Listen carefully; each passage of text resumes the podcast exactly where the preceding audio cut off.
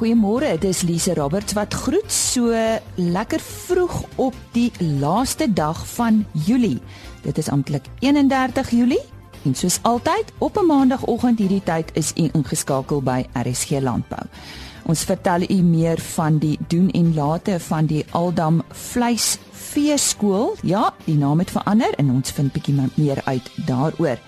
Dan praat ons met Agbus oor klimaatsverandering en die rol van landbou. Die Rooi Vleis Abattoir Vereniging praat met ons oor briselose en ons gesels oor 'n heerlike lekker na hierdie tyd van die jaar, naamlik biltong. RC Landbou word vandag aangebied met die komplemente van FNB Landbou. FNB, hoe kan ons jou help? As ons sê ons praat met Michael Bradfield, is daar net een naam wat uh, natuurlik opspring en dit is die Aldam Vleisbees Skool wat uh, elke jaar baie suksesvol plaasvind. Michael, wanneer vind van jaar se vleisbeeskool plaas? Um, nee, dit is van die 18de tot die 20ste Oktober, maar ek moet jou net ook net korrigeer. Die naam het verander na veeskool toe want ons het nou 'n klein vee komponent ook byge, bygebring. Um ons opname het gewys dat 80% van uh vleisbeesboere ook 'n uh, klein vee vertakking het en daar's baie aanvrae gedoen of ons nie uh kleinvee komponent ook sal inbring nie. So die um stedelsprekers uh, natuurlik, jy weet 'n ekonom praat oor al twee fasette baie maklik. So ons het daai komponent ook hierdie jaar uh ingebring. Beteken dit nou dat uh dat dit langer duur omdat jy die nuwe komponent het? Nee, glad nie. Wat wat gebeur is uh die middag uh se praktiese sessies het nou net uh sessies bygekom wat uh spesifiek uh, gerig is op kleinvee. As jy sê kleinvee, is dit uh, seker hoofsaaklik skaap. Absoluut reg. Dis hoofsaaklik skaap. Ehm um, maar, maar dit is ehm uh, jy, jy weet die uh genootskappe soos die Doonies en die dorpers en dis meer uh, uh vleismarines en so aan het baie sterk ingekoop in die in die hele konsep. So hulle gaan ook nou geakkommodeer word. Ja, ek hoor al mense vra wanneer is dit die beurt van wild? Wel, ek wil dit nie nou bekend maak nie, maar uh ek sal later met jou praat daaroor. Kom ons sê selfs uh, presies oor wat gaan gebeur tydens die vleispees skool. Jy het gewoonlik uh, buitelandse sprekers. Ja, absoluut reg. Ons het soos altyd 'n uh, propvol skool en en as mense wil um sien wat aangaan, ons het nou op ons webblad www.stockmanschool.co.za so 'n hele uh uh wat hy opgesit uh, ons het resultate genoem jy na verlede jaar se lesings kan gaan kyk en en uh, dinge. Nou is iets soos 25 28 lesings van verlede jaar gewees. Dit dit gaan hierdie jaar die dieselfde wees en weer eens nog 'n stap uh nog 'n stap vorentoe. Ons het hierdie jaar um vier internasionale sprekers. Ons het uh Don Scheifelbein van Amerika af. Hy's 'n uh, baie betrokke in die uh, vaardigheid daar. Hy sit op die Improvement Federation se raad. Hy self 800 Angus uh, en dis 'n familie van 9 broers. So hy gaan vir ons vertel hoe hulle vertakking werk. Ons het dan van Australië af ehm um, Jason Kong. Jason is die hoofuitvoerende beampte van AI Company. Hulle het uh, hardloop so 500 000 beeste in daai maatskappy waarvan 60 000 ja Wagyu is. So hulle is baie gefokus op die hele waardeketting en uh, ook uitvoer. Ons het ook uh, Ben Hayes ook van Australië. Um hy is die persoon wat uh jy het seker al gehoor van genomika. Hy is die persoon wat voorgestel het dat genomika kan aangewend word in diere en plante en hoe dit aangewend kan word. Uh hy was die mede-ouditeur van 3 van auditeurs. So Ben is die leier uh kan 'n mens sê in die genomika wêreld. Hy gaan 'n werksessie daaraan bied vir gevorderde stoetboere dan het ons uh, ook van Becky Schneider. Uh Becky was natuurlik mega boer van die jaar gewees in Namibië. So dis ons vier internasionale uh gassprekers saam met ons um 20 uh sprekers wat ons normaalweg van Suid-Afrika af het. Michael, hoeveel mense kan julle hanteer? Ons hanteer um 150 uh mense dan ons vol. Ons het gewoonlik so 200 mense daar waarna's uh sprekers natuurlik en, en buitekantse mense wat genooi word.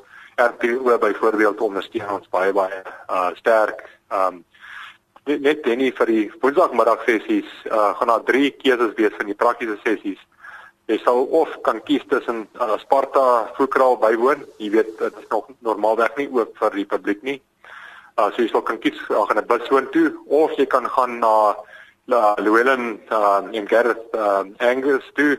Hulle het baie intensiewe kleinvee program op hulle plaas en Llewellyn is natuurlik 'n uh, uh, uh, uh, leier in aangeplante weidings of jy kan gaan na Brian Angus toe um, wat met sy Wagyus en Angus ook 'n leier in die in die vleisbedryf veral met gesogte um, produkte en dis meer so jy gaan kan kies tussen daai drie uh, praktiese sessies um, lokale sprekers wat uh, kan mense wat belangstel um, ek Serfontein van um, Sernik gaan uh, as gasspreker uh, optree ons het uh, takkersolivier vir die uh, kleinveekant John Purchase um, van die uh, die ekonom wat dit van gaan oopmaak.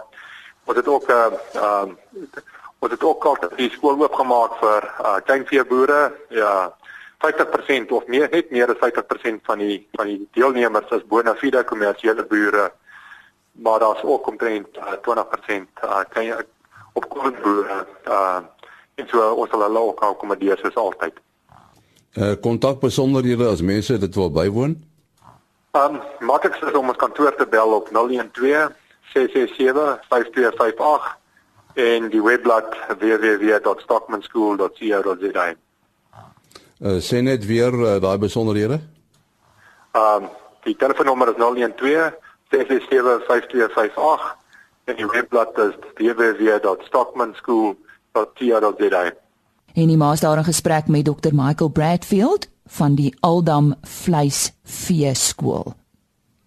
En nou die gesprek wat Denny Maas gehad het met Agbus oor klimaatsverandering. Nou Suid-Afrika is lid van die Verenigde Nasies se raamwerkkonvensie oor klimaatsverandering en uh, die land moet gereeld uh, terugrapporteer oor die impak van klimaatsverandering en dan ook oor die stappe wat die land moet neem om klimaatsverandering aan te spreek en die effek daarvan te versag. Theo Boshoff is die bestuurder van regsintelligensie by Agbus en ons gesels nou met hom daaroor.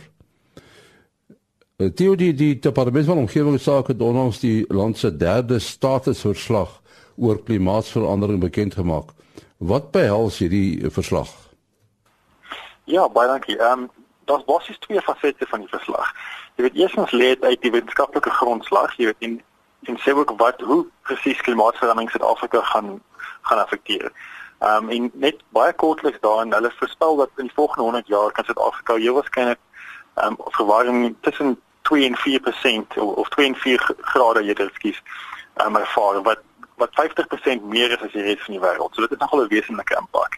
Die regering verslag praat dan spesifiek wat se stappe Suid-Afrika um, kan vat om dit te mitigeer, jy weet om ons impak minder te maak, sowel as ook wat se metodes ons kan gebruik om aan te pas hierby. En die effek van klimaatsverandering op die landbousektor, dit is seker spesifiek waar jy in belang stel. Definitief ja, die die landbousektor sowel as die landboubesigheidssektor. Nou as jy kyk na primêre landbou spesifiek, jy weet natuurlik 'n uh, 'n klimaatsverandering hier waar by bykom behalwe blootgevoudige temperatuurverskille is natuurlik hier verskille in reënval.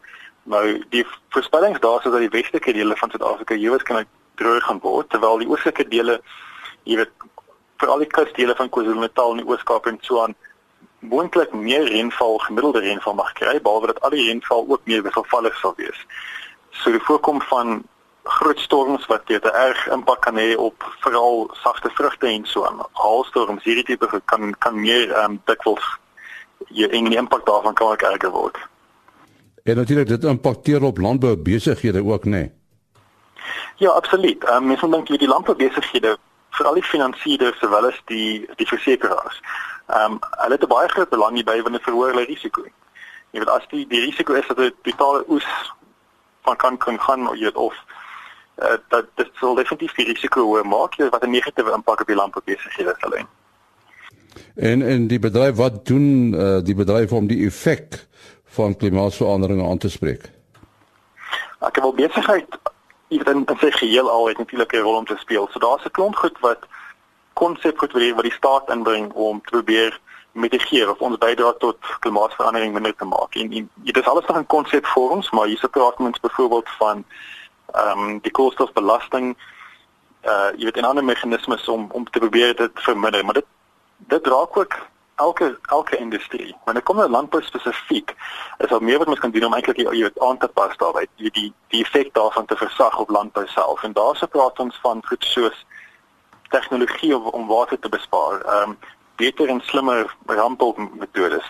Droogtebestand kultivars en meer navorsing in, in, in daai verband. En natuurlik sonenergie.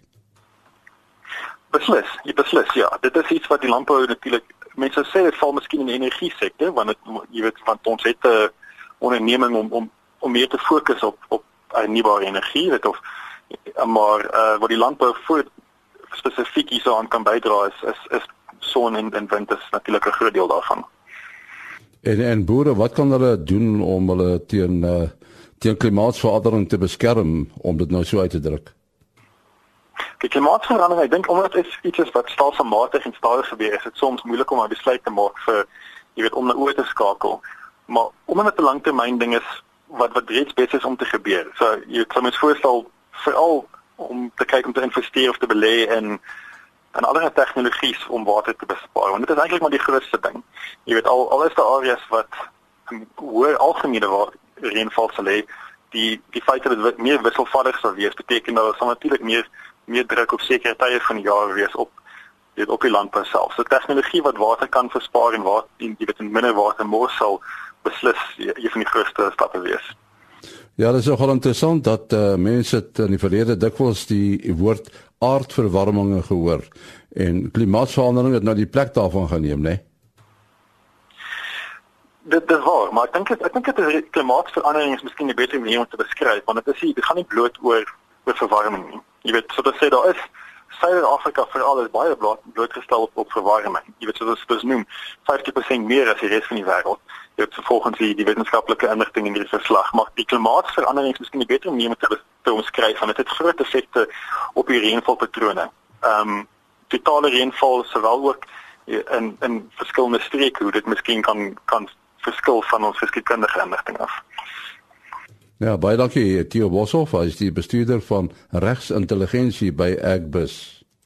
Briselose hou nie net 'n gevaar vir beeskuddes in nie maar mense kan ook onder sekere omstandighede aangetast word deur hierdie siekte. Daarom moet streng maatreëls by abattoirs toegepas word om te verseker dat die oordrag nie na mense plaasvind nie. Ek gesels nou met dokter Gerard Neetling, die hoofbestuurder by die Rooi Vleis Abattoir Vereniging. Gerard, kan bruselose deur middel van vleis aan mense oorgedra word? Lieve, uh, dankie vir die geleentheid. Ja, bruselose uh is 'n zoonose. Dit kan oorgedra word na mense, maar uh, dis 'n uh, vleis van 'n brucellose dier is waarskynlik een van die mees onwaarskynlike maniere om brucellose te kry. 'n Baie groot risiko is ongepasteuriseerde melk van uh van 'n besmette dier. En dan natuurlik is dit baie belangrik dat die mense wat met die die dier werk by die abattoir en dan ook vir die slagproses verantwoordelik is en wat ook by die organe van so 'n dier werk, 'n baie um, groot gevaar sal hê in hulle hantering van die van die dier om wel brucellose te kry van positiewe diere. Maar watter stelsels is by die abattoirs in plek om te verseker dat rooi vleis aan aan die verbruiker wel veilig is en ons praat nou net nie hier spesifiek van 'n siekte soos brucellose nie, dit gaan oor algemene veiligheid seker. Ja, ek ek ek dink in eerste dit ons ehm um, het regulasies het baie verbeter om nie net seker te maak dat die dat dat daar behoorlike strukture en behoorlike higiëne by 'n abattoir is nie en ook vleisinspeksie nie, maar daar is ook voorsiening sedert 2007 dat daar 'n behoorlike dokumentasiestelsel byvoorbeeld by 'n abattoir moet wees dat elke aspek van die produksiestelsel by 'n abattoir ehm um, beskryf en seker maak dat daar rekords deurlopend beskikbaar is om seker te maak dat vereistes voldoen word vleisinspeksie bly steeds 'n baie belangrike deel van ehm um, van die waarborge om seker te maak dat ons gesonde vleis het. En dit het ook in uitgebrei dat selfs die produsent moet 'n verklaring van gesondheid alreeds aanbied aan die aan die abattoir om te sê dat die diere wat hy aanbied wel gesond is. Ehm um, Daarna is daar 'n voordoodse inspeksie wat plaasvind van die diere deur die uh, vleisinspekteur en of veearts. 'n uh, Primêre vleisinspeksie op die lyn van so 'n karkas en dan as daar enige abnormaliteite is, dan is daar 'n verdere inspeksie en sekondêre inspeksie deur die veearts om enige abnormaliteite te identifiseer en dan 'n besluit te neem. Hierdie vleisinspekteurs is deurlopend by die fasiliteit elke dag, maar hulle moet ook toesien dat die dat die behalwe vir vleisinspeksie dat dat die regulasies ook toegepas is. Dat so 'n produk byvoorbeeld behoorlik verkoel word, dat daar goeie higiëne toegepas word by 'n abattoir. So daar is presies 'n hele aantal stelsels wat in plek is om seker te maak dat 'n veilige produk gelewer word. Maar hoe word daar toegesien dat hierdie vereistes nagekom word, Gerard? Wel, die eerste die eerste vereiste is dat dat hierdie inspekteurs word deur die departement uh aangestel om hierdie funksie te verrig. Jy sou waarskynlik weet uh lees dat dat die uh, vleisinspeksie skema is juis op die 7de Julie afgekondig deur die minister om seker te maak dat hierdie vleisinspeksie wat deur agentskappe aangebied word by abattoirs dat dit onafhanklik sal plaasvind van die abattoir eienaar. Maar so hierdie personeel van 'n agentskap wat is nou formeel aangestel gaan word in Augustus is elke dag by die fasiliteit. Die veearts moet dit moniteer hierdie dienste en vir sekondêre inspeksie verantwoordelik wees, maar die staat self besoek dus ook hierdie fasiliteit op 'n op 'n gereelde basis, maandeliks of twee maandeliks om toe te sien dat aan hierdie vereistes voldoen word. En watter 'n tipe opleiding word dan in die verband by die abattoirs aangebied? Daar's daar's twee vlakke. Daar moet seker daar is bewyse nodig dat die vleisinspeksie personeel bevoeg is uh en dat hulle deurlopende opleiding kry. En verder is daar ook vereistes dat daar bewyse van opleiding moet wees vir die prosedures wat gevolg word by 'n abattoir, dat die higiëneopleiding gegee is. Uh en dis 'n wetlike verpligting, 'n regulatoriese verpligting dat daar bewyse moet wees dat die personeel by 'n abattoir uh opleiding kry. Die Rooivleis Abattoir Vereniging is 'n opleidingsinstansie juis vir die rooivleis abattoirs om seker te maak dat aan hierdie vereistes voldoen word. En dan watter rol speel bruselose in die voorsiening van vleis, rooi vleis? Ja, brus, bruselose is uh, is een van daardie stille siektes in die sin dat omdat dit nie net aborsies is by ehm uh, by uh, beeste nie, maar dat ook selfs resorpsie nadat in in in, in koei byvoorbeeld wel gevat het. So dit beïnvloed die die reproduksie ehm um, dramaties in 'n in 'n kudde. Dis dit ook hoekom dit baie belangrik vir ons is dat daar baie meer aandag gegee moet word aan aan identifikasie van diere om seker te maak dat 'n mens weet wat jou byvoorbeeld reproduksiesyfers is. So, brucellose beteken nie dood eenvoudig daar is minder produksie um, in die land en dit het 'n baie ernstige effek natuurlik op die ehm um, die prys van van van rooi vleis. Hoe minder hoe minder produksie ons in Suid-Afrika het, ongelukkig hoe, hoe duurder is vleis ook. En uh, abattoir werknemers, hoe word hulle teen die gevaar van brucellose beskerm? Ja, ek terug en dit is hoekom dit baie belangrik is as daar enige besmetting in 'n kudde is en enige siekte, dan moet so 'n verklaring van gesondheid dit aandui of as by wyse van 'n 'n skema as 'n positiewe dier geïdentifiseer word by 'n abattoir en hy kan wel geslag word en die rede hoekom dit geslag word het ons al reeds gesê is omdat die vleis eintlik veilig is maar indien so 'n dier geslag word dan word die abattoir personeel van beskerm verdere beskermende oorklere voorsien uh beskermende brille uh handskoene en maskers om seker te maak dat hulle nie die organisme inneem wanneer hulle met die dier werk, die vel hanteer en of dan die ingewande hanteer nie. En kom ons eindig met die verbruiker. Uh hoe weet die verbruiker dat die vleis wat aangekoop is wel veilig is? Ek het nou met jou oor alles gesels, maar uh wat wat is daar as uh sekerheid? Ja, ek dink ek dink beslis ons verbruikers moet net 'n beter beter verstandhouding en 'n uh, uh, met hulle uh, slagters en en voorsieners ehm um, om die vrae te vra en om seker te maak waar van watter geregistreerde abattoir kom hierdie vleis? Kyk na die vleisinspeksie stempel wat op elke kwart aangebring is. Uh vleisklassifikasie, 'n karkas kan byvoorbeeld nie gerollermerk word indien dit nie van 'n geregistreerde abattoir kom nie. Dis nie vereiste dat alle karkasse geklassifiseer moet word nie. Maar dis kyk na die stempels op die produk. As daar geen stempels en aanduiding is nie, uh vra jy 'n um, verskaffer van van uh rooi vleis van waar van waar die produk afkomstig is en maak seker dat dat uh produkte wat is onwettig geslag is uh nie aangekoop word nie. Die hoofbestuurder by die rooi vleis abattoir vereniging Dr Gerard Neetling. Ons gaan ook later hierdie maand met hom gesels oor die vleisinspeksie skema. Kom ons kyk gou na veilingnuus. Op die 1 Augustus is daar die skuif Beefmasters produksieveiling op die plaas Rietfontein, Botfontein. 30 Beefmaster bulle en 150 kommersiële vroulike diere word opgeveil deur GWK teens Visser is die afslaer. Die vierde produksieveiling van Alto Beefmasters, die KwaZulu-Natal tak, vind op die 2 Augustus plaas by die Vryheid Veilingkrale Vryheid KwaZulu-Natal. 40 stoetbulle word opgeveil deur Frikverster van BKB van Wyk. Die Neumann Blues se 10de Drakensberger en Merino veiling vind op die 3 Augustus plaas by Newlands Vrede.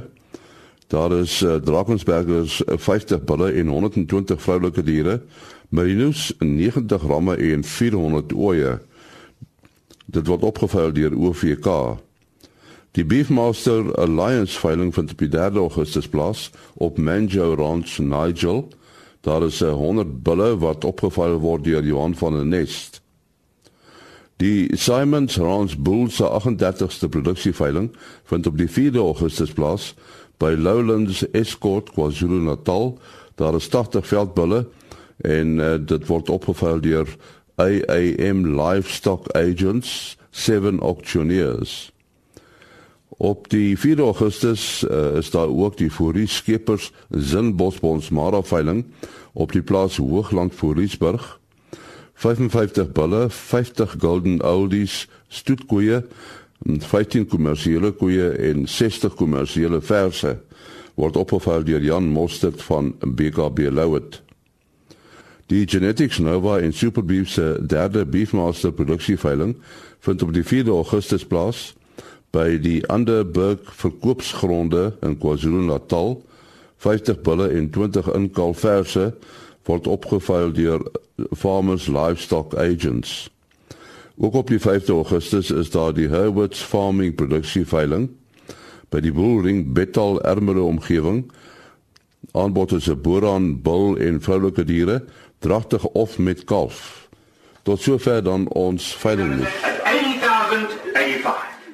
Ons uh, gaan nou gesels oor 'n uh, Suid-Afrikaanse lekkerny en dit is 'n uh, biltong. En as ek uh, sê biltong, dan praat ons met Stoffel Kritzinger. Uh hy is van Stoffelberg Wildsvleis. Nou so in die winter uh, maak baie uh, jagters biltong. Ehm um, en wildsvleis is natuurlik ook uh, iets wat baie gewild is. Uh, uh, ons sê dit is gewild, maar uh, is wildsvleis uh, gewild in die sin dat dit uh, eintlik meer gewild behoort te wees? Kom ek stel dit vir jou so dat verlede jaar was kyk jy twee tipe biltonge, die gewone swings wat ons noem, dit is maar die biltong wat daar op die hakkie hang en wat rondwaai in die wind. En dan het ons die verpakte biltong, die pakkies biltong wat ons sê. Nou verlede jaar was die pakkie biltong se mark 1 miljard rand gewees. So dit gee jou eintlik 'n idee hoe populêr biltong werklik is, want dit is 'n baie goed goeie proteïen uh populêr onder wie is dit uh, byvoorbeeld iets wat uitgevoer word? Nee nee nee nee, dit is hierdie hierdie syfers wat ek nou vir jou gee, Suid-Afrikaanse syfers. So dit is wat in Suid-Afrika verbruik word per jaar. En dit word oor 'n breë spektrum. Dit word almal almal eet biltong ek. Ek weet nie of ek iemand daar geloop het wat nie biltong eet nie. Kom ons praat 'n bietjie oor iets wat verband hou met biltong en dit is jag. Hoe lyk die jagseisoen so in die winter nou? Veral as ou nou dink dat die ekonomie bietjie uh, bietjie lam is, nê? Nee? Ja, die ekonomie ekonomie is definitief lam. Ons kom dit baie duidelik agter. Uh veral as gevolg van die die hoë uh beespryse of vleispryse. En uh, ja, dit uh, dit beïnvloed eintlik nog nie die die wild nie. Die wild bly op dieselfde vlak wat pryse gewys aangaan. En uh, dan is dit maar so dat die ouens sal seker maar bietjie moet myp. Uh as gevolg van die ekonomie, maar ek dink tog uh, hulle gaan nog steeds jag. Hy gaan miskien net 'n bietjie korter jag. Hy gaan net miskien 'n paar bokke minder skiet en hy gaan dalk miskien 'n klein bietjie minder kook drink. Uh, kom ons gesels weer oor oor biltong. Kom ons vra die die jagter die kuns af. Wat moet mense gedagte hou as jy biltong maak? Wat is die belangrikste? Dit is natuurlik belangrik om nommer 1 eerste jou vleis reg te sny sodat jy op een nog aan die dag nie skeningsbedrog maak nie, maar vleisbedrog maak. Dan nommer 1, dan nommer 2 is baie belangrik dat jy speserye reg is dat jy biltong nie te sout of te suur of te bitter is nie. En dan derdens is die droogproses van biltong redelik baie belangrik. Dit moet in 'n windvloei wees. Dit moenie te warm kry nie. As jy nie die regte plek het nie, hang dit in die aand op en haal dit af in die oggend die eerste 5 of 7 dae. En dan andersins kan jy dit net hang as jy as jy 'n geskikte plek het waar jy lekker windvloei het en dit koel is. En en wat van hierdie uh dingetjies wat mense in 'n winkel kan koop waar jy biltong kan droogmaak werk dit? Ja, kyk jy kan jy kan natuurlik uh, praat jy nou van van die boks of die masjien wat jy koop wat kan uh wat jy biltong droog maak? Dis reg. Ja, nee nee, ek het al gehoor die, die ouens gebruik dit is natuurlik nou uh maar net vir huislike gebruik. Maar ja, dit uh, dit het 'n temperatuurbeheer en dit het dit het 'n windvloei want dit het 'n waier in. En uh, ek het al met mense gepraat en hulle reken hulle maak lekker biltong banana. Uh biltong resep kan kan jy dalk vir ons een gee? Uh, weet jy elke ou het 'n biltong resep. Uh ek dink die die veiligste is maar om jou krye by die die krye handelaars te koop wat spesifiek gemeng is vir biltong. Hulle het soveel verskillende soorte en geure. So ek dink dis die veiligste. En as jy mens nou kyk na die bokke wat geskiet word om biltong van te maak, watter een sou jy sê uh, werk die beste? Wat is die gewildste een? Uh, nou, kyk die gewildste een, nou, neem ek aan oor al die jare was maar altyd springbok gewees. En dan het daar is daar ook ons wat uh, ook maar baie hou van eland en gemsbok so. Maar ons wat in die in die handel is, uh, ons hou baie van 'n blesbok want 'n blesbok se yield is baie goed. As ek nou sê yield praat ek van vleis-been verhouding en vleis-vel verhouding. So ja, dit is uh dit is 'n goeie bok uh wat baie werd is of wat wat sy geld werd is. Waar jou springbok op hierdie stadium is baie klein. Kyk na 15 kg bokkies. So jy het geen yield nie. Jou jou uh been-vleisverhouding is heeltemal uit. En natuurlik nou Jeland het goeie yield. So ja, ons, ons kyk maar na daai tipe goed. As ons sê baie dankie aan Stoffel Kritzinger. Hy is van Stoffelberg Wildsvleis. En die maas daar 'n gesprek met Stoffel Kritzinger oor biltong. Het jy geweet dat piesangs die taalrykste vrugtegewas ter wêreld is? Piesangs is die nommer 1 verboude vrugtegewas ter wêreld. Dit is ook die 4de grootste onder alle gewasse en word slegs deur koring, rys en mielies geklop. Indië verbou meer piesangs as enige ander land met die Filippyne, China en Ekwador kort op hulle hakke. Vandag se program is aangebied met die komplemente van FNB Landbou.